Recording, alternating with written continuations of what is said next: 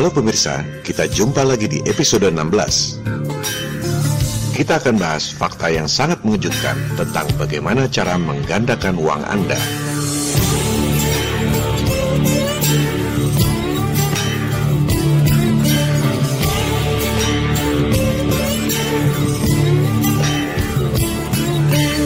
Jika Anda ingin membeli sebuah rumah, misalnya seharga 1 miliar, dan Anda memiliki uang 1 miliar, berapa rumah yang bisa Anda beli? Tentu cuma satu rumah, bukan?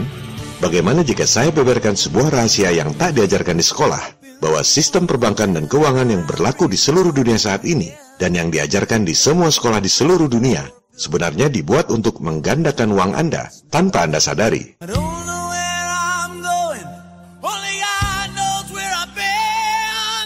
Jadi, dengan contoh uang satu miliar yang Anda miliki tadi, bank bisa menggunakan uang Anda bukan cuma untuk beli satu rumah seharga satu miliar, melainkan beli 10 rumah seharga masing-masing satu miliar. Plus, bank dapat uang lagi 10 miliar dari rakyat, padahal asalnya cuma duit satu miliar milik Anda tadi.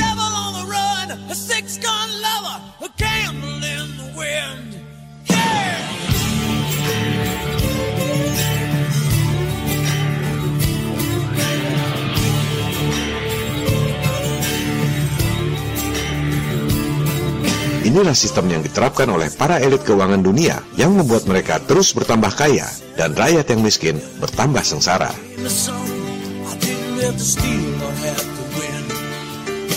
Sama seperti mereka mengajarkan ilusi bumi bola di sekolah, seolah-olah itu adalah fakta yang paling benar. Mereka pun mengajarkan sistem perbankan dan keuangan ini di semua sekolah di seluruh dunia, seolah-olah itu adalah sistem yang paling benar. Kalau Anda tak ikut sistem yang diajarkan, Anda tak bakal lulus sekolah.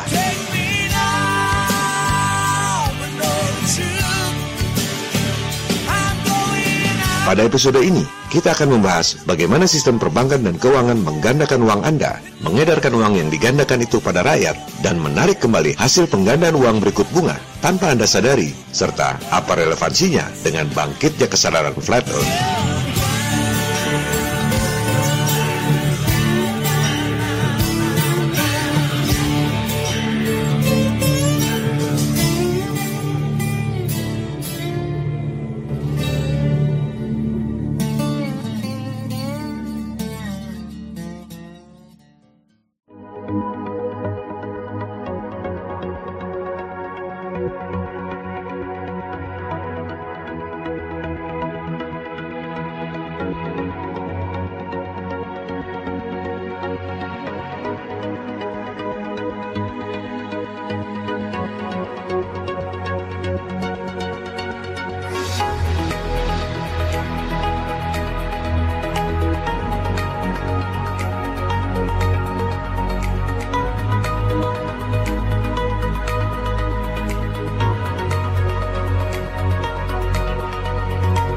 Akan menjelaskan cara menggandakan uang ini dengan animasi agar Anda lebih mudah untuk memahaminya. Animasi dibuat secara khusus oleh sahabat saya, salah satu flat earthers yang paling cerdas sekaligus pembuat animasi terbaik yang pernah saya kenal. Dia adalah Dr. Zack. Silakan Anda subscribe channel YouTube Dr. Zack untuk menikmati video-video yang berkualitas tentang flat earth. Berikut adalah pemaparan saya tentang bagaimana bank menggandakan uang yang dituangkan dalam bentuk animasi yang sangat keren oleh Dr. Zack.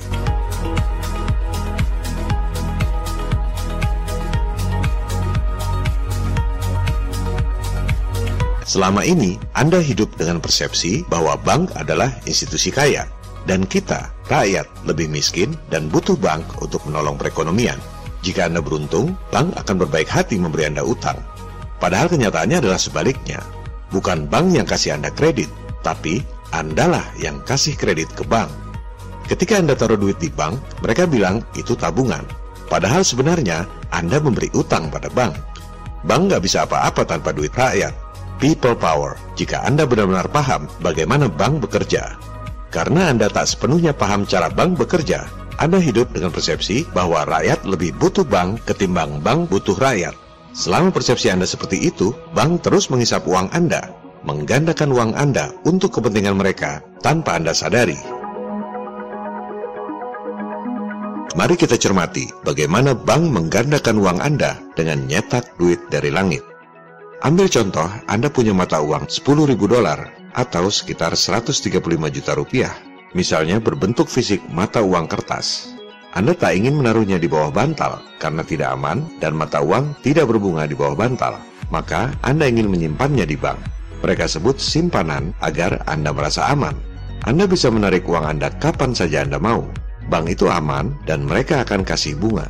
Maka, jika Anda tidak tarik simpanan itu dalam setahun, dengan bunga 1%, Anda akan dapat mata uang tambahan 100 dolar dari 10.000 dolar milik Anda tadi. Berdasarkan regulasi, bank wajib menyimpan sebagian simpanan Anda dan berhak meminjamkan porsi besar mata uang Anda kepada orang lain. Ini disebut fractional reserve banking. Proporsinya berbeda di tiap negara. Saya ambil contoh 10% seperti yang berlaku di Amerika. Artinya, bank berhak meminjamkan 90% tabungan dan simpanan Anda.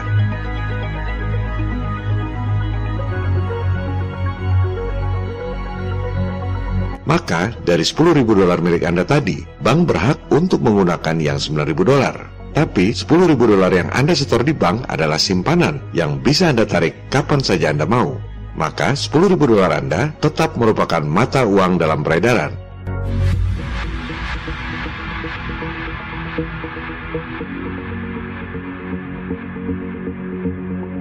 tapi mereka meminjamkan 9.000 dolar kepada orang lain.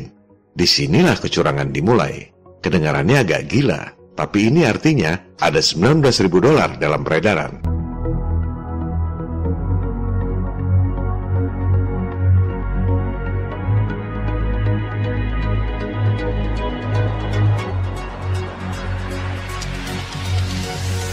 Mereka bahkan tak perlu nyetak mata uang baru untuk tambahan 9.000 dolar ini. Hanya digit dalam komputer bank, juga dalam bentuk buku cek. Tidak berbentuk mata uang fisik, hanya ada dalam komputer, tapi tetap saja itu mata uang yang sah berlaku.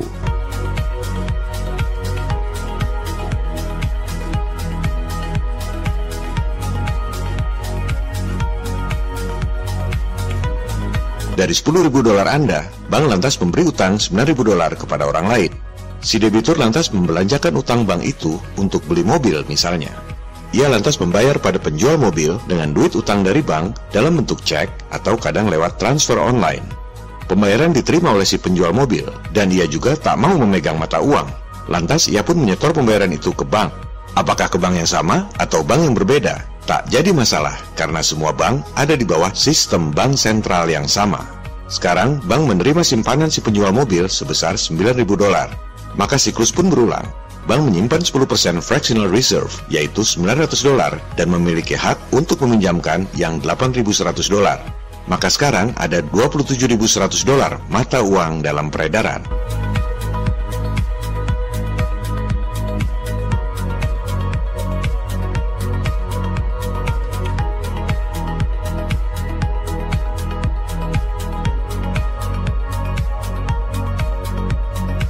Siklus pun berulang.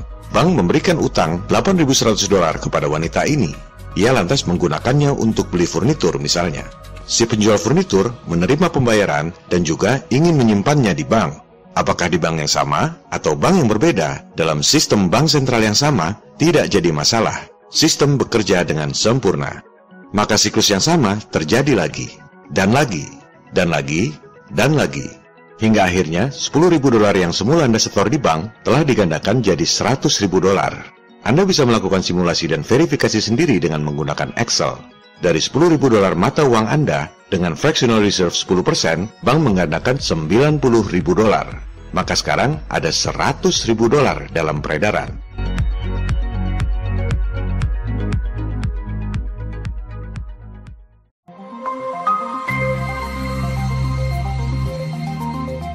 Apa yang saya sampaikan ini adalah fakta yang ditunjang oleh data-data kredibel. Semua data ada di depan mata Anda, tapi Anda tidak menyadarinya dan tak banyak yang sadar apa arti dan konsekuensinya.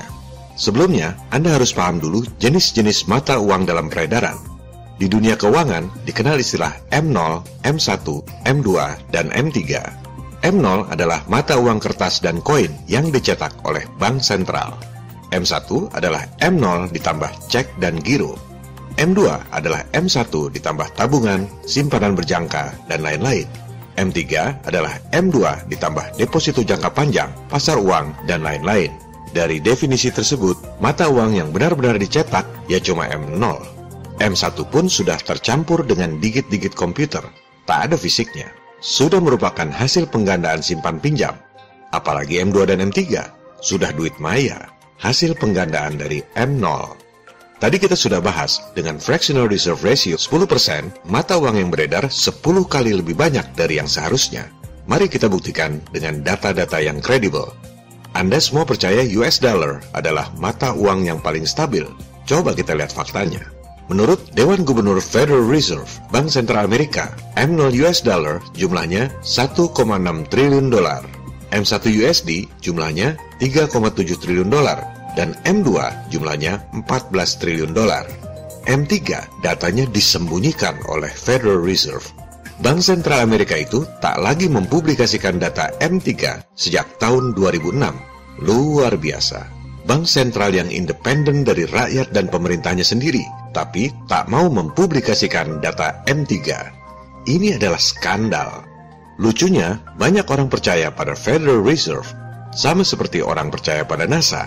Dipikirnya itu adalah institusi-institusi yang paling top, paling terpercaya, paling canggih. The Holy of Holies, yang suci dari yang suci. Padahal isinya sama-sama fraud, penipuan terhadap rakyat sedunia oleh segelintir elit pemilik Federal Reserve, IMF, World Bank, dan juga NASA. Para pengamat hanya bisa menduga-duga jumlah M3 US dollar seperti yang dilakukan oleh situs JM Bullion ini. Menurut penelitiannya, M3 jumlahnya tak jauh dari M2, yaitu 17,5 triliun dolar. Oke, sekarang kita hitung. Berapa kali lipat M3 jika dibandingkan dengan M0? Anda lihat, jumlahnya 11 kali lipat. Lebih banyak dari paparan saya tadi. Mata uang nyetak dari langit 10 kali jumlah mata uang yang sesungguhnya. Sekarang kita bandingkan dengan Indonesia. Menurut Bank Indonesia, M0 jumlahnya 549,6 triliun rupiah, M1 1372,6 triliun rupiah, dan M2 jumlahnya 5408,6 triliun rupiah. Sama seperti Feds, Bank Indonesia tak mau mempublikasikan jumlah M3. Hanya ada M0, M1, dan M2. M3 hanya Tuhan dan Bank Indonesia yang tahu. Oke, kita tak bisa membandingkan dengan M3 Coba saja hitung berapa kali lipat M2 dibandingkan dengan M0. Wow, M2-nya saja sudah hampir 10 kali lipat, apalagi M3-nya. Lebih mengejutkan lagi, menurut OECD, Organisasi Internasional di bidang Economic Cooperation and Development, pertumbuhan M3 Indonesia bahkan lebih tinggi dari Amerika. Luar biasa. Tapi jangan salahkan pemerintah, karena otoritas moneter kita dipegang oleh bank sentral yang independen dari rakyat dan pemerintahnya sendiri. Kita juga tak bisa menyalahkan Bank Indonesia, para profesor, doktor, dan dosen ekonomi, karena semua hanya ikut sistem yang diterapkan oleh elit global sejak sekolah dulu, sehingga semua orang di dunia bekerja tanpa sadar untuk kepentingan mereka. Jadi, kesimpulannya, apa yang tadi saya sampaikan, bahwa dari tiap rupiah atau US dollar mata uang yang beredar, bank melipat gandakan 10 kali adalah fakta berdasarkan data-data yang kredibel dari Bank Sentral Amerika dan Indonesia.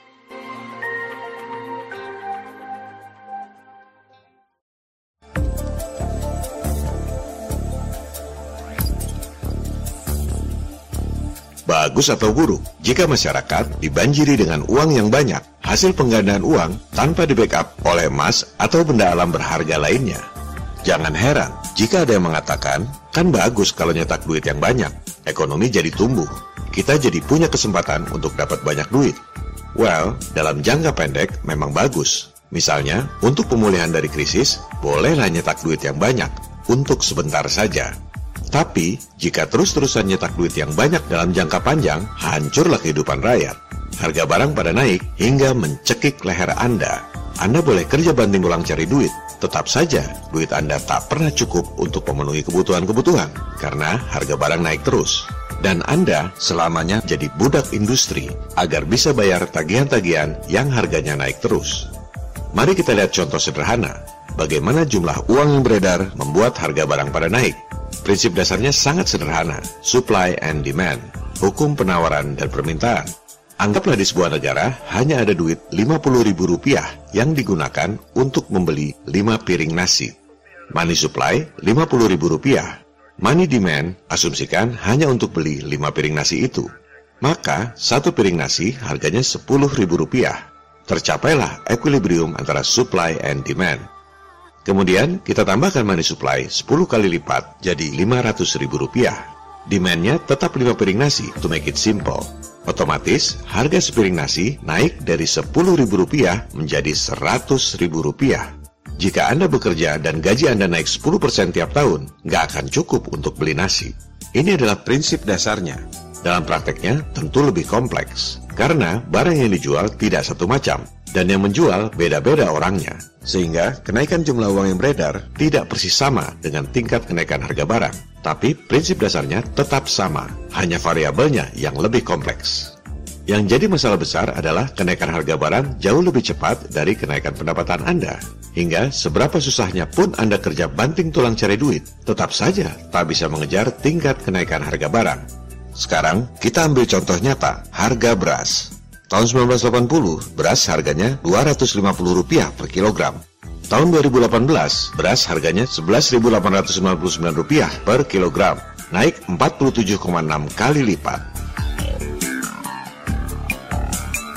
Dengan kata lain, dengan uang Rp5.000 di tahun 1980 bisa beli beras 20 kg. Tahun 2018, dengan uang yang sama, yaitu Rp5.000, buat beli beras setengah kilo saja tidak cukup. Artinya apa? Makin lama, uang makin tak ada harganya hidup kita makin sulit karena harga barang sudah sedemikian tingginya akibat nyetak duit lewat sistem penggandaan uang di perbankan. Karena tidak diajarkan di sekolah secara transparan, sebagian besar orang mungkin tidak percaya bahwa selama ini bank menggandakan uang Anda yang menghasilkan begitu banyak uang dalam peredaran. Parahnya, banyaknya uang dalam peredaran itu bukan milik Anda, tapi milik satu persen penduduk dunia seperti yang dikatakan oleh Menteri Keuangan Indonesia, wanita pertama di dunia yang menjabat sebagai Managing Director World Bank dan juga mantan Executive Director IMF. Kalau di dunia lebih timpang lagi, satu persen orang kaya di dunia menguasai 90 persen aset dunia ini. Sama seperti tentang flat Earth, jika Anda ingin mencari kebenaran, Anda tak bisa mengandalkan apa yang dikatakan dalam pelajaran formal dan apa yang dikatakan oleh media. Karena baik pelajaran sekolah maupun media massa adalah bagian dari sistem yang diciptakan oleh elit global. Silakan Anda lakukan riset sendiri. Kata kuncinya adalah fractional reserve. Maka Anda akan menemukan kenyataan tentang sistem penggandaan uang ini. Anda mau percaya atau tidak, faktanya adalah seperti itu. Anda mau percaya atau tidak, sistem terus berjalan merampok masa depan anak cucu Anda tanpa Anda sadari.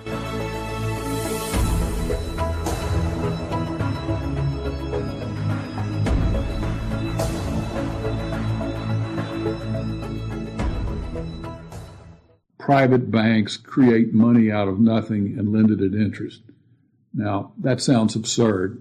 Uh, when I teach sophomores, you know, about money and banking and how banks, they never believe it.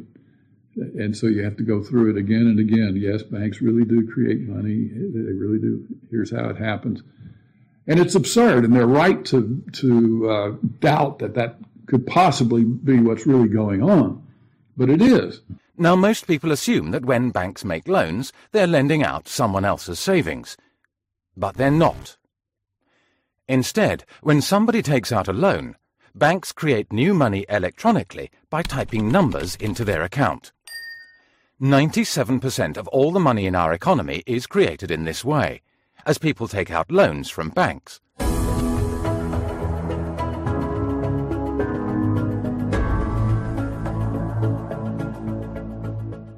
Does taking out a loan actually mean creating money? Precisely. When the commercial bank loaned the money to the customer, it actually created new money. From here, we understand the disturbing fact that all money created in this system comes from a debt.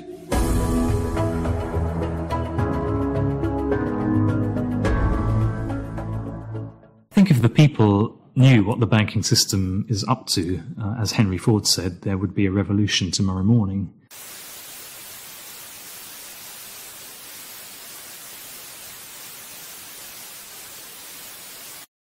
Uh, the fact is, most people think that what a bank does is lend you money that someone else has put in the bank previously. Um, but what a bank actually does, what a commercial bank does, uh, is to create money from nothing and then lend it to you at interest. If I do that, if I manufacture money in my own home, it's called counterfeiting. Uh, if an accountant creates money out of nothing in the company accounts, it's called cooking the books. But if a bank does it, it's perfectly legal. Uh, and so long as you allow fraud to be legalized, uh, then all kinds of problems are going to pop up in the economic system, which you can't do anything about.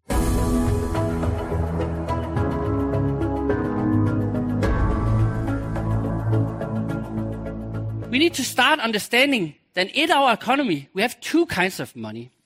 We have paper money and we have electronic money, which is the kind of money we use when we uh, use this uh, kind of device, uh, a payment card. Let's start with the easy one, this one.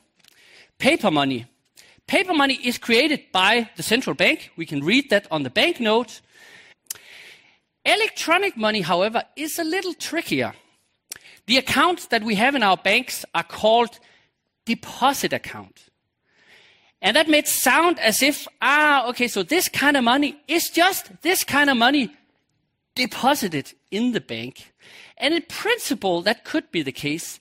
It is, however, very misleading in terms of understanding how money works in the economy. Because electronic money is created by commercial banks when they issue new loans.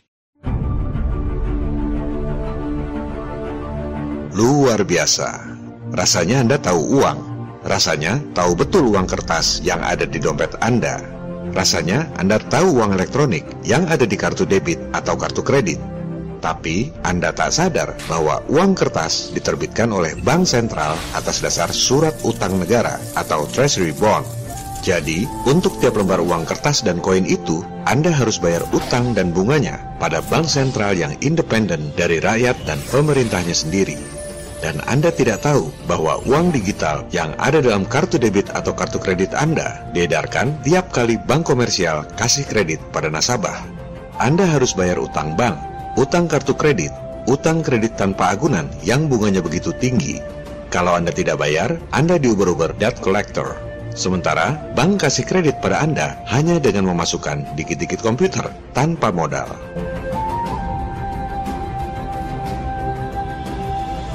Baik uang kertas maupun uang elektronik diedarkan atas dasar utang. Uang kertas diedarkan oleh bank sentral atas dasar utang negara. Uang elektronik diedarkan oleh bank komersial atas dasar utang nasabah. Bagaimana mungkin uang yang rasanya sangat Anda ketahui ternyata tidak seperti yang Anda kira? Sama seperti flat earth, rasanya Anda tahu betul untuk bumi, anda lihat di mana-mana ada foto-foto bumi yang katanya dibuat oleh satelit. Padahal semua itu hanya kartun CGI atau gambar rekayasa komputer yang bisa Anda buat sendiri di rumah. Tak perlu budget besar seperti NASA. Bagaimana mungkin bumi yang rasanya sangat Anda kenal ternyata tak seperti yang Anda kira?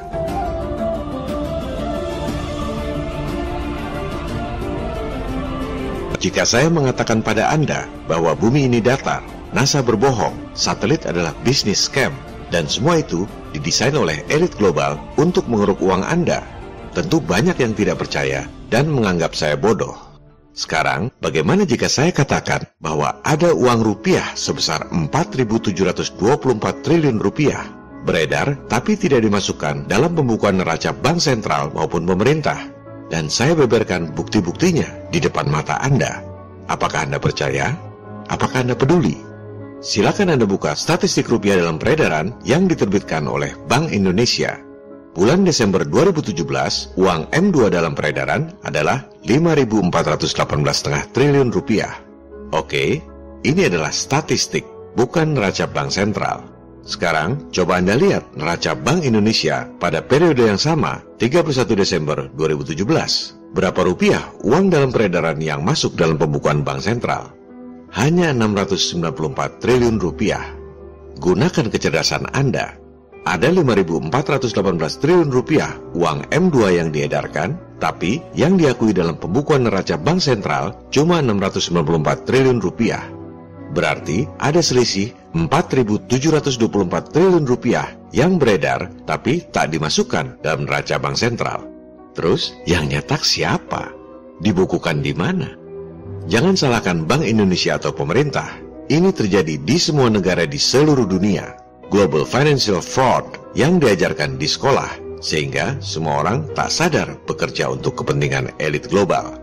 Coba Anda lihat di Amerika, berapa dolar M2 yang diedarkan? 14 triliun dolar. Berapa dolar yang dibukukan dan dilaporkan dalam neraca Bank Sentral Amerika, Federal Reserve? Hanya 1,6 triliun dolar. Uang yang dibukukan itu adalah bagian dari total neraca Bank Sentral Amerika 4,5 triliun dolar. Lantas, bagaimana mungkin ada uang 14 triliun dolar dalam peredaran, tapi yang diakui dan dibukukan oleh Bank Sentral Amerika cuma 1,6 triliun dolar? Itu 12,4 triliun dolar yang nyetak siapa? Dibukukan di mana?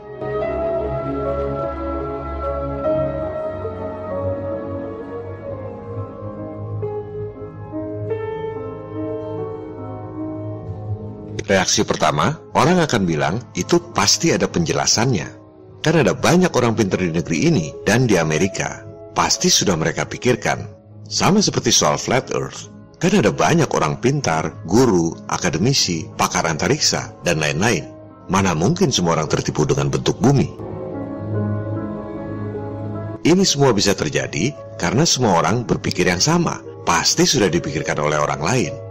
Because anytime someone says anything about space, you automatically think someone figured it out. You don't know the guy's name. You don't know the name of the experiment. You didn't look into it yourself. You just think when someone tells you, how far is the Earth from the sun? They'll say, oh, uh, 93 million miles away. Like you just, Right. you, You you, everybody relies on someone figured that out and someone double checked it.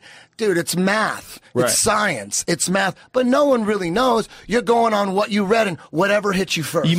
Dan ini bisa terjadi karena semua orang hanya ikut sistem yang diajarkan sejak di sekolah. Karena itu yang diajarkan, semua orang taunya bumi berbentuk bola. Kalau ada yang bilang bumi tidak berbentuk bola, berarti tak lulus sekolah. Mekanisme perbankan dan moneter juga seperti itu. Kan sudah diatur oleh ahlinya, orang-orang pintar di dunia. Kita tinggal ngikutin saja. Kalau nggak ikut sistem yang diajarkan, Anda tak bakal lulus sekolah.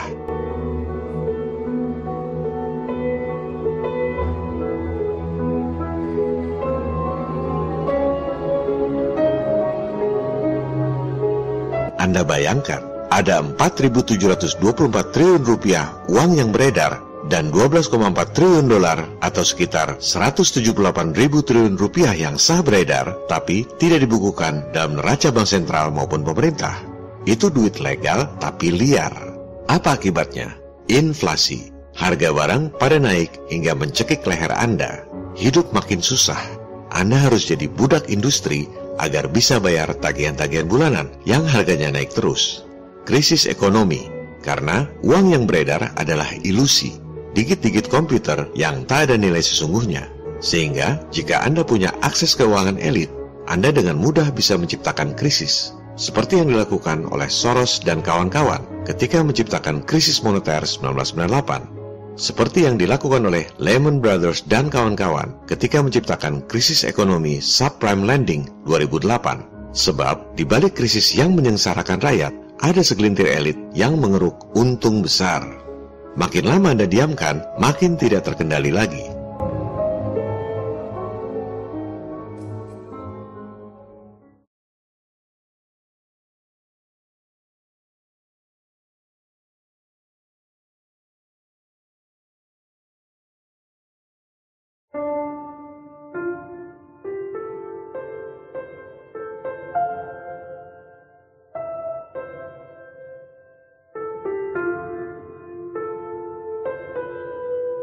Tentu saya tidak sembarangan menyampaikan hal ini pada Anda.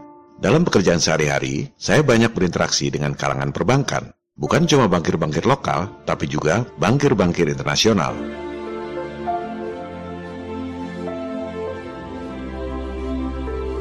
Dengan para bankir lokal maupun internasional, saya sering diskusi soal sistem yang diterapkan oleh elit global yang merugikan umat manusia di dunia. Bahkan, saya sering diskusi soal flat earth yang merupakan bagian dari sistem elit global. Tak ada yang membuli saya di alam nyata, karena sama-sama tahu reputasi, prestasi, dan kapabilitas masing-masing di alam nyata. Saya tegaskan di sini, musuh kita bukan para pekerja bank, Justru kita gunakan relasi dan jaringan di perbankan dan lain-lain untuk menyadarkan mereka bahwa ada kezoliman dalam sistem yang diterapkan di seluruh dunia yang menyengsarakan umat manusia. Saya bicara dengan beberapa rekan pejabat tinggi di perbankan, bos-bos bankir. Saya diskusi dengan para bankir yang sangat senior, yang seumur-umur puluhan tahun kerja di bank.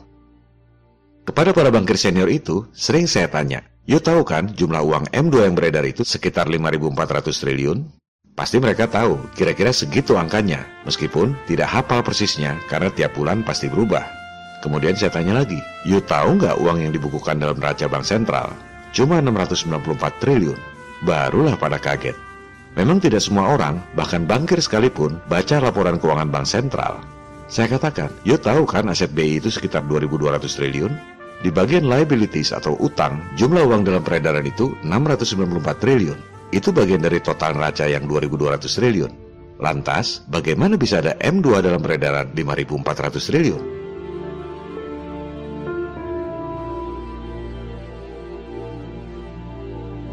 Kalau bicara dengan para bankir di luar negeri, Bank Sentral Amerika juga sama.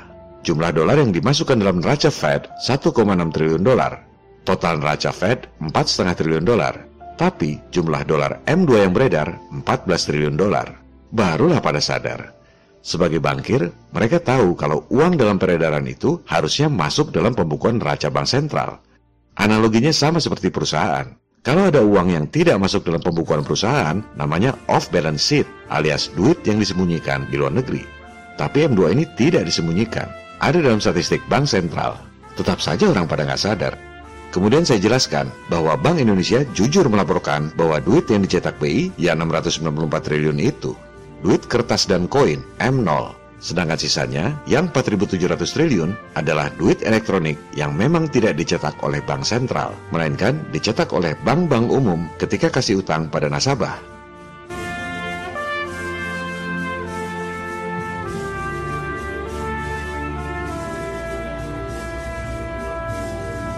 Kemudian saya tanya lagi pada rekanan bankir, you tahu kan giro wajib minimum? Para bankir pasti tahu. Saya katakan, itulah fractional reserve system. Dalam istilah perbankan nasional disebut giro wajib minimum atau GWM. Tadi dalam contoh di awal video, saya sebut fractional reserve rata-rata 10% dan ini yang membuat uang beredar 10 kali lebih banyak dari yang seharusnya. Sekarang coba Anda lihat, berapa persen fractional reserve yang berlaku di Indonesia? Silakan Anda buka situs resmi Bank Sentral, menu moneter, submenu Giro Wajib Minimum. Anda lihat berapa fractional reserve yang diterapkan di Indonesia.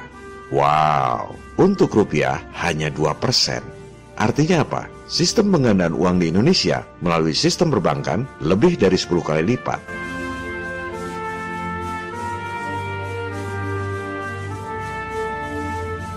Sekali lagi, kita tidak menyalahkan Bank Indonesia ataupun pemerintah Indonesia. Sistem ini diterapkan di seluruh dunia dan semua orang hanya ikut sistem.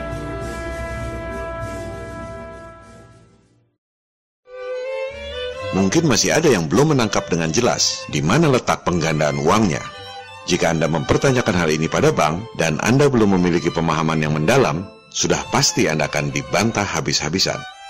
Di sinilah hebatnya sistem. Bank tak pernah merasa menggandakan uang. Bank-bank umum memang tak pernah nyetak duit kertas atau logam. Yang mereka lakukan adalah menciptakan uang secara elektronik ketika kasih utang pada rakyat. Dan kebanyakan bankir tak sadar bahwa mereka telah menambah jumlah uang dalam peredaran. Bukan karena mereka bodoh, melainkan karena sistem fractional reserve ini diterapkan di seluruh dunia dan diajarkan di semua sekolah tanpa menjelaskan apa dampaknya secara transparan. Sehingga semua orang berpikir bahwa sistem itu sudah benar, karena semua bank di dunia menggunakan sistem yang sama.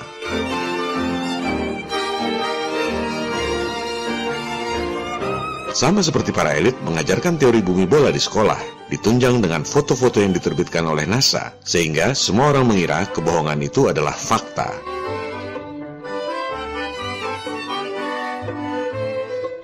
Mari kita go through sekali lagi.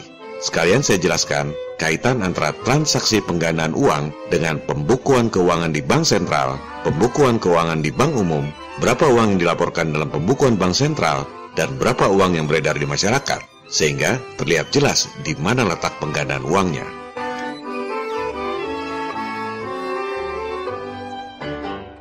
Seperti telah dijelaskan tadi, faktanya, sekali lagi faktanya, Jumlah uang yang beredar per 31 Desember 2017 adalah 5.418,5 triliun rupiah dan yang dibukukan oleh Bank Sentral pada periode yang sama cuma 694 triliun rupiah. Selisihnya 4.724 triliun rupiah adalah hasil penggandaan uang dari 694 triliun yang dicetak oleh Bank Sentral melalui sistem fractional reserve banking yang dilakukan oleh bank-bank umum ketika kasih utang pada rakyat. Kita akan jelaskan alur transaksi berikut pembukuannya secara transparan, sehingga tak ada satu sen pun yang terlewat.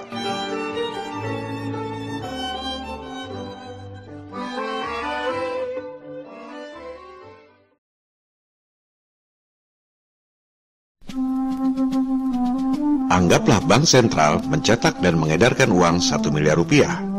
Bank Sentral membukukan uang yang diedarkan pada laporan neraca bagian liabilitas alias kewajiban. Tapi Bank Sentral tak boleh serta-merta nyetak duit. Harus ada lawannya di bagian aset. Taruhlah lawannya adalah utang negara. Jadi, dasarnya nyetak duit itu bukan emas atau modal, melainkan dasarnya adalah surat utang dari pemerintah. Sebab pemerintah di seluruh dunia sudah diatur agar tak punya hak nyetak duit. Jadi kalau pemerintah butuh uang, harus terbitkan bond dulu. Utang negara yang harus dibayar oleh rakyat. Barulah bank sentral nyetak duit tanpa modal. Enak kan? Atas dasar utang pemerintah, bank sentral nyetak duit. Anggaplah satu miliar rupiah berupa uang kertas. Supaya mudah memahaminya, asumsikan itu hanya satu-satunya uang yang ada di sebuah negara. Pada statistik uang dalam peredaran, Dicatat bahwa M0 yaitu uang kertas dan logam adalah sebesar 1 miliar rupiah. Tak ada yang salah dalam skema ini. Kemudian, untuk memudahkan pemahaman, anggap uang 1 miliar rupiah itu dimiliki oleh si A. A tak mau menyimpan duit 1 miliar rupiah di rumah, maka ia menyetor ke bank umum atau bank komersial. Uangnya benar-benar disetor ke bank. Si A tak pegang uang kertas lagi, cukup uang digital yang bisa ditarik di ATM dan bisa buat bayar-bayar lewat transaksi elektronik. Bank mencatat uang masuk itu sebagai simpanan nasabah di bagian liabilitas milik si A 1 miliar rupiah. Lawannya, di bagian aset, jumlahnya harus 1 miliar juga. Dengan asumsi fractional reserve 10%, maka bank mencatat yang 90% sebagai kas 900 juta rupiah dan yang 10% fractional reserve dicatat sebagai giro pada bank sentral 100 juta rupiah. Kemudian, giro wajib minimum alias fractional reserve yang 100 juta rupiah tadi disetorkan oleh bank umum ke bank sentral. Bukan berupa uang kertas fisik, karena bank sentral tidak menyimpan uang cash, cukup pencatatan keuangan saja. Maka di laporan keuangan bank sentral, fractional reserve 100 juta rupiah tadi dibukukan sebagai tagihan di bagian aset. Lawannya adalah liabilitas kebijakan moneter, yaitu GWM alias fractional reserve 100 juta rupiah sekarang perhatikan kas bank. Kalau perusahaan biasa, di kas ada duit 900 juta rupiah, tentu senang. Kalau bisa jangan dipakai. Tapi buat bank, banyak duit di kas artinya buruk. Karena tak ada penghasilan buat bayar bunga pada si A. Bank harus memutarkan uang itu dalam bentuk kredit yang bunganya lebih tinggi. Pendapatan bank bukan dari uang yang disimpan, melainkan dari selisih bunga simpan pinjam. Maka, bank menyalurkan kredit 900 juta rupiah, katakan pada si B. Untuk dapat menarik uang pinjaman, bank membuka rekening untuk B, pinjaman pihak ketiga di bagian aset bank. Zaman sekarang, rekening terkoneksi dengan kartu debit ATM. Si B bisa narik uang kredit kapan saja dia mau, sementara si A juga bisa narik tabungannya kapan saja dia mau. Tapi di pembukuan rekening A tak pernah dikurangi uang pinjaman yang sebenarnya sudah ditarik oleh si B. Ini kuncinya. Banyak yang tak sadar bahwa ini adalah penggandaan uang. Mari kita perjelas lagi. Jika Anda meminjamkan uang satu miliar rupiah pada saya, dan uang itu saya gunakan untuk beli mobil, apakah Anda bisa menarik uang pinjaman Anda yang sudah saya belanjakan itu? Tentu saja tidak, karena duit pinjaman Anda sudah saya tarik dan sudah saya gunakan. Tapi dengan skema fractional reserve ini, uang Anda tetap bisa Anda tarik kapan saja, meski sebenarnya uangnya sudah saya gunakan. Karena bank tinggal ngetik dikit-dikit komputer di rekening simpanan Anda. Orang pikir uang yang ditarik itu adalah simpanan orang lain. Padahal simpanan orang lain yang ditarik pun sebenarnya cuma 10%, yang 90% tetap saja sudah disalurkan sebagai kredit.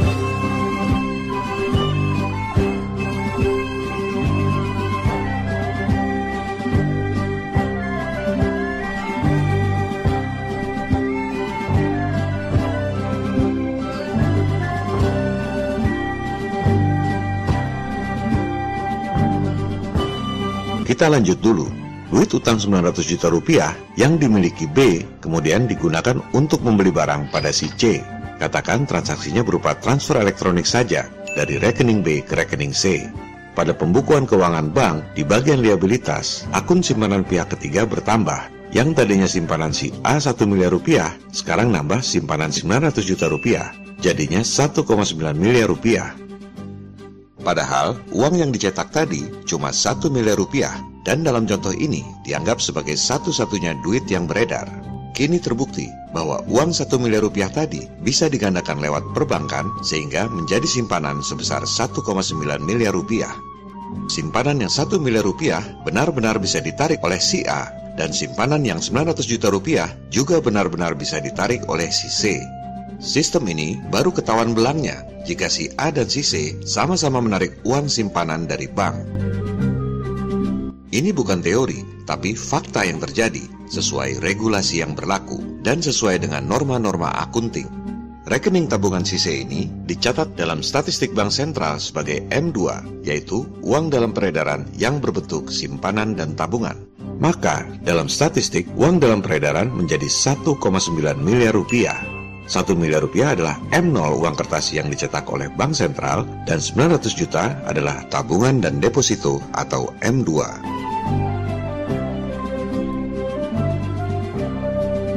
Perlu diingat, itu adalah statistik Bank Sentral, bukan laporan neraca. Di neraca Bank Sentral tak ada yang berubah. Uang dalam peredaran tetap 1 miliar rupiah yang memang dicetak oleh Bank Sentral. Tapi dalam statistik maupun kenyataan di lapangan, uang yang beredar 1,9 miliar rupiah.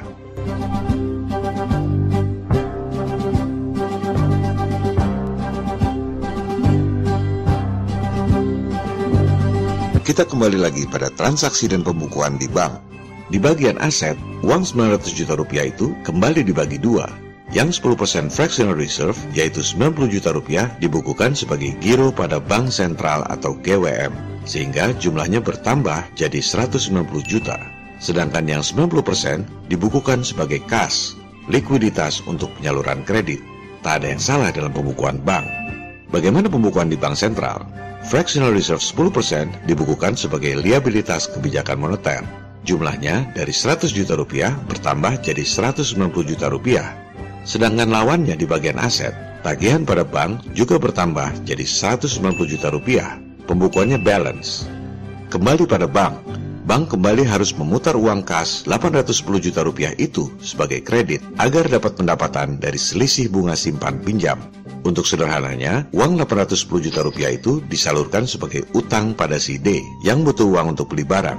Seperti biasa, bank membukakan rekening giro utang untuk si D. Zaman sekarang biasanya berikut akses kartu debit ATM. Kalau zaman dulu, aksesnya cuma buku cek dan giro. Maka di pembukuan bank, kas 810 juta rupiah jadi nol dipindah bukukan jadi pinjaman pihak ketiga 810 juta rupiah. Hal penting yang perlu diingat adalah ketika D tarik duit pinjaman 810 juta tetap dibukukan sebagai aset bank meski uangnya sudah diambil oleh si D.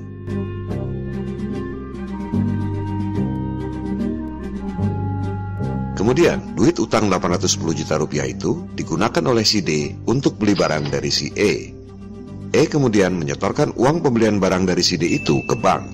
Maka, di pembukuan bank, pada bagian liabilitas, simpanan pihak ketiga bertambah dari 1,9 miliar menjadi 2,71 miliar rupiah. Padahal sebenarnya uang yang dicetak oleh bank sentral cuma 1 miliar rupiah. Kini sudah digandakan jadi 2,71 miliar rupiah. Hal ini juga sesuai dengan statistik uang dalam peredaran. Uang simpanan CA yang 810 juta rupiah itu dilaporkan oleh bank sebagai M2, yaitu rekening tabungan dan deposito. Maka jumlah uang dalam peredaran sesuai statistik resmi Bank Sentral juga bertambah dari 1,9 miliar menjadi 2,71 miliar. Uang dalam peredaran yang diakui dan dibukukan oleh Bank Sentral tetap 1 miliar. Tapi sekarang ada 2,71 miliar rupiah dalam peredaran yang dicatat dalam statistik. Maka siklus pun terus berlanjut. Hingga akhirnya dengan fractional reserve 10%, uang yang digandakan adalah 1 per 10% sama dengan 10 kali lipat dari 1 miliar rupiah duit kertas yang dicetak oleh Bank Sentral digandakan lewat sistem jadi 10 miliar rupiah.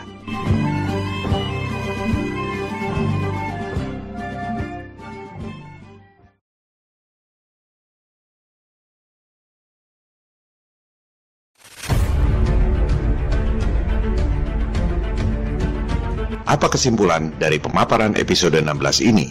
Kesimpulan pertama, sebagian besar uang yang beredar di masyarakat adalah hasil penggandaan uang rakyat lewat sistem fractional reserve yang diterapkan oleh bank sentral di bank-bank umum. Fakta yang mengejutkan ini berlaku di semua negara di dunia. Yang dimaksud dengan penggandaan uang di sini adalah menambah jumlah uang dalam peredaran dengan menggunakan tabungan, deposito, giro, atau cek milik orang lain secara legal dan sesuai dengan regulasi yang berlaku. Tak ada pelanggaran hukum karena hukumnya sudah disesuaikan dengan kemauan elit global. Seperti yang dikatakan oleh Mayor Amsel Rothschild 220 tahun yang lalu, berikan saya izin untuk menerbitkan uang dan saya tak peduli siapa pun yang bikin peraturan.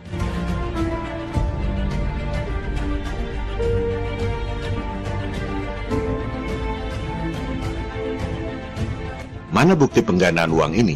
Buktinya, sebagian besar jumlah uang yang beredar itu tidak diakui dalam neraca bank sentral.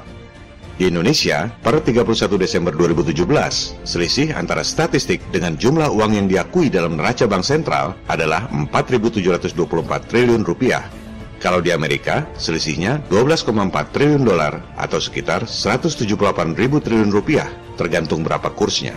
Dan ini baru M2, belum termasuk M3, yaitu deposito jangka panjang, pasar uang, dan lain-lain. Jumlah uang yang beredar sebenarnya jauh lebih banyak lagi. Pasti ada yang bantah, kan memang nggak semua uang harus dicetak berupa uang kertas. Oke, terus yang nyetak uang bukan kertas itu siapa? Kalau yang menerbitkan bank sentral, mau bentuknya kertas kek, mau digital kek, mau tulisan di buku kek, tetap saja harusnya dimasukkan dalam neraca. Kemudian ada lagi yang bantah, uang yang sama kan memang bisa digunakan untuk transaksi berkali-kali. Loh, kalau uangnya sudah dipinjam dan digunakan oleh orang lain, uangnya sudah tak bisa digunakan lagi oleh yang meminjamkan uang dong. Kan uangnya sudah terpakai, masa bisa ditarik lagi? Dan transaksi perdagangan tidak membuat uang dalam peredaran bertambah. Kalau ini sudah jelas-jelas jumlah uang dalam peredaran bertambah dalam bentuk M1 dan M2 yang adanya di bank-bank umum. Terus, kok bisa ada tambahan uang hingga bisa jadi giro, tabungan, dan deposito di bank-bank umum? Padahal, uangnya tak diakui dalam neraca bank sentral. Yang menerbitkan siapa dan caranya bagaimana? Silakan Anda tanya pada dosen ekonomi, praktisi perbankan, dan kaum cendekiawan lainnya. Anda tahu nggak prosedur menerbitkan uang hingga sampai ke tangan Anda? Tolong berikan bukti hukum, bukan cuma opini atau teori mana SK Bank Sentral untuk menerbitkan uang 4.724 triliun rupiah itu? Kalau untuk uang yang 694 triliun ini, pasti ada SK-nya. Itu resmi diakui dalam neraca.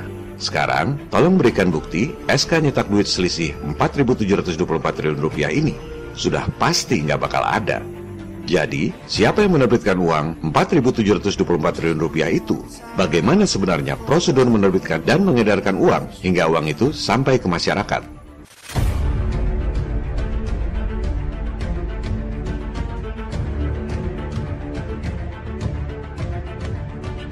Kesimpulan kedua, dengan sistem fractional reserve, sebagian besar uang yang beredar diterbitkan dan diedarkan oleh bank-bank umum ketika kasih kredit ke nasabah. Beginilah cara menerbitkan dan mengedarkan uang yang sesungguhnya hingga sampai ke tangan Anda, tapi tak diajarkan di sekolah. Mana buktinya? Buktinya, rekening giro, cek, tabungan, dan deposito Anda tak pernah dikurangi uang yang sudah digunakan sebagai pinjaman oleh orang lain. Duit simpanan Anda 100% utuh bisa ditarik, padahal yang 90% sudah ditarik oleh orang lain sebagai kredit. Pasti ada lagi yang membantah.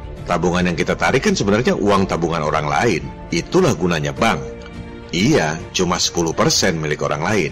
Yang 90% tetap saja bank telah menerbitkan uang baru berupa catatan jurnal atau zaman sekarang digit-digit komputer. Dan faktanya, di buku rekening tabungan Anda, uang Anda tak pernah dikurangi pinjaman yang sudah ditarik oleh orang lain. Kecurangan ini tak pernah terbongkar karena memang simpanan yang ditarik dalam bentuk uang kertas tak sampai 10%. Sisanya hanya berupa digit-digit komputer yang juga bisa digunakan untuk transaksi. Lantas ada lagi yang bantah. Kan bagus kalau uang berbentuk digital, lebih praktis dari uang kertas.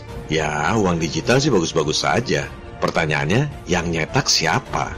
Anda mau memberi kedaulatan pada bank-bank umum dan swasta untuk nyetak duit secara elektronik? Gunakan kecerdasan Anda.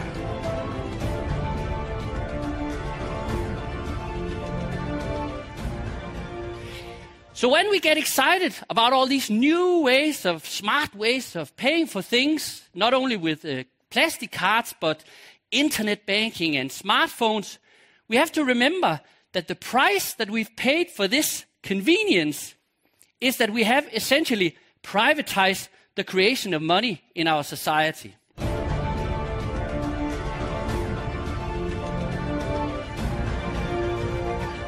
Itu sebabnya Henry Ford, salah satu pentolan elit global, mengatakan untung rakyat gak ngerti sistem perbankan dan moneter kita. Sebab kalau mereka ngerti, saya yakin bakal terjadi revolusi sebelum besok pagi. Lantas, mengapa kebanyakan orang, termasuk para ekonom dan praktisi perbankan sendiri, banyak yang tak sadar dengan penggandaan uang ini?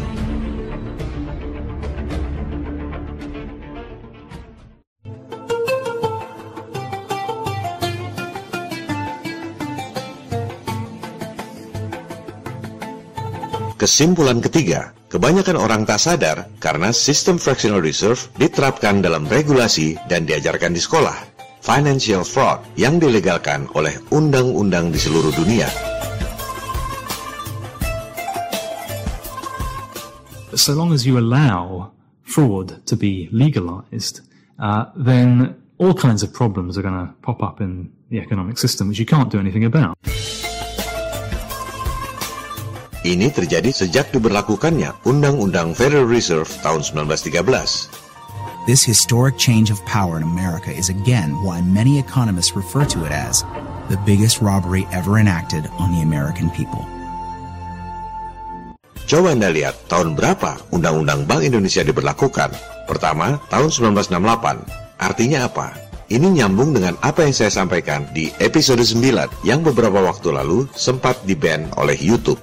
Pasca lengsernya Soekarno, elit global memanggil pemerintah Indonesia ke Konferensi Jenewa 1967. Di situlah elit global pertama kali mendikte pemerintah untuk membuat regulasi-regulasi yang menunjang kiprah elit global untuk mengeruk kekayaan Indonesia, termasuk Freeport tahun 1967 dan Undang-Undang Bank Sentral 1968. In 1967, the Time Life Corporation sponsored a conference in Switzerland that planned the corporate takeover of Indonesia. It was attended by the most powerful businessmen in the world, such as David Rockefeller. The giants of Western capitalism were represented. Across the table were Indonesian leaders approved by General Suharto. I've never, ever heard of a situation like this for any country, where global capital essentially holds a meeting with state and hammers out the conditions of their own entry into the country. Apa yang saya paparkan di episode 9 itu kebetulan juga disampaikan oleh ekonom senior Kwik Kian Gi di salah satu siaran TV. Bahwa Indonesia itu memang direkayasa, memang diengineer oleh kekuatan asing untuk menjadi terpuruk, untuk menjadi bangkrut. Sekarang saya ingin mengutip beberapa hal yang ditulis oleh bukan orang sembarangan, Dr. Bradley Simpson, Direktur Arsip Nasional Amerika Serikat yang punya akses terhadap dokumen-dokumen otentik asli semua ya. Dia dikutip oleh macam-macam orang. Saya akan menyebut tiga yang semuanya menyebut, yaitu Jeffrey Winters, Bradley Simpson sendiri yang melakukan penelitian, plus wartawan sangat terkenal John Pilger. Sejak tahun 1967, bulan November 1967 diadakan konferensi di Jenewa, diprakarsai dan dibiayai oleh Time Life Corporation. Di sana delegasi Indonesia dipimpin oleh Pak Sultan Hamengkubuwono ke-9 dan Pak Adam Malik.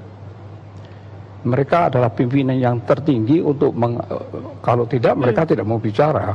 Tetapi di bawahnya itu kan tim ekonomi karena yang dibicarakan ekonomi itu lengkap sekali. Yeah. Wijoyo, Didi Sastro, Muhammad Sabti, Subroto, Emisal, semuanya lengkap dan sudah menteri semua.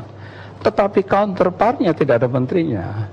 Counterpartnya itu Bank Dunia, IMF, Bank Pembangunan Asia, dan pengusaha-pengusaha besar raksasa di bawah pimpinan David Rockefeller.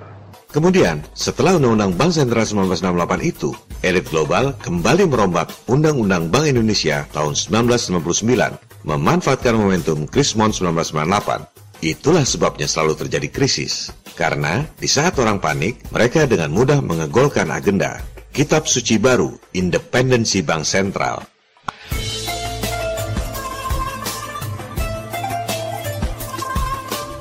Lantas, apa dampak dari banyaknya uang dalam peredaran akibat sistem fractional reserve ini?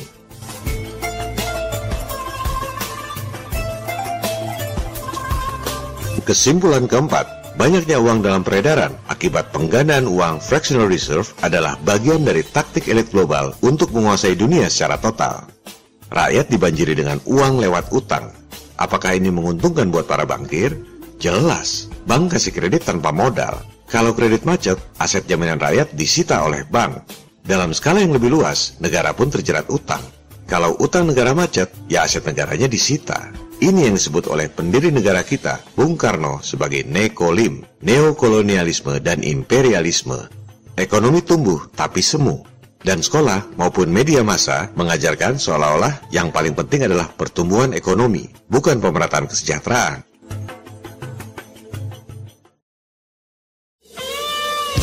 Kesimpulan kelima, apa solusinya?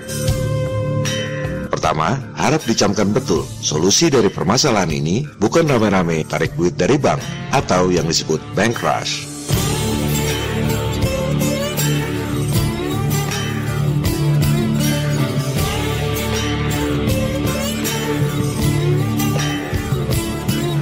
Kedua, harap dicamkan betul, persoalan ini tidak selesai dengan tebar kebencian atau menghujat salah satu calon presiden.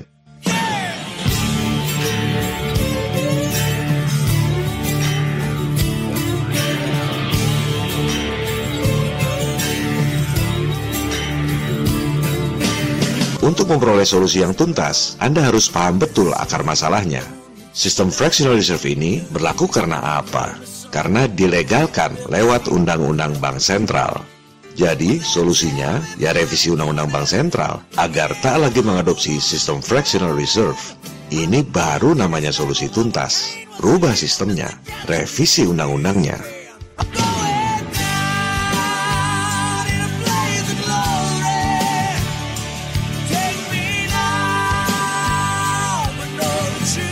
Apakah solusi yang saya sampaikan ini mengada-ada? Tentu saja tidak. Anda lihat, di Swiss, warga negaranya sudah mulai sadar. Di tahun 2018 ini, mereka mencoba melakukan referendum untuk merubah sistem fractional reserve.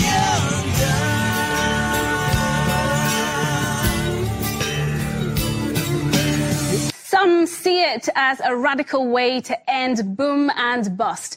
Others describe it as a dangerous experiment. Just a few of the opposing views on the sovereign money proposal is being voted on in Switzerland on June the 10th, and the world is watching.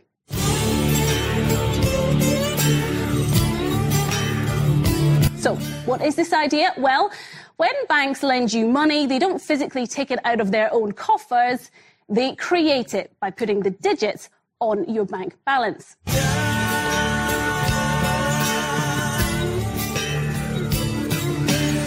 Itu di Swiss, sesuai konstitusi mereka harus lewat referendum. Kalau di Indonesia, tak perlu referendum, cukup revisi undang-undang lewat DPR dan pemerintah. Silakan Anda cari referensi sendiri, misalnya artikel di media ternama Business Insider tentang upaya yang dilakukan rakyat Swiss untuk lepas dari sistem fractional reserve. Jelas sekali tertulis di situ bahwa uang yang dicetak oleh bank sentral hanya 10% dari seluruh uang dalam peredaran. Yang 90% adalah uang elektronik atau catatan saja yang diterbitkan oleh bank-bank umum ketika kasih utang ke nasabah.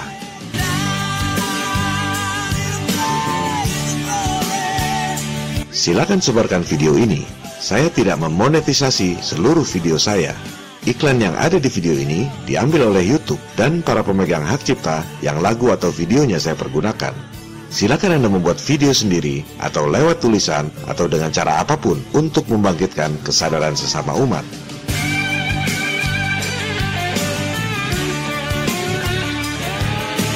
Berbagai permasalahan ekonomi yang Anda rasakan, susah cari duit, susah kerja, harga barang pada naik, sering terjadi krisis, semua bermuara pada sistem fractional reserve ini. Solusinya, ganti sistemnya. Revisi Undang-Undang Bank Sentral seperti yang pernah diupayakan di Swiss.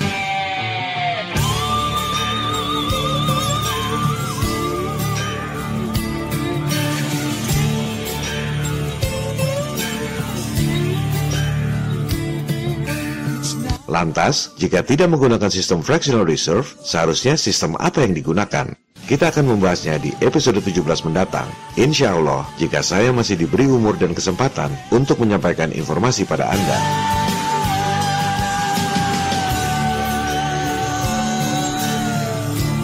This is John Connor. If you're listening to this, you are the resistance. Salam People Power.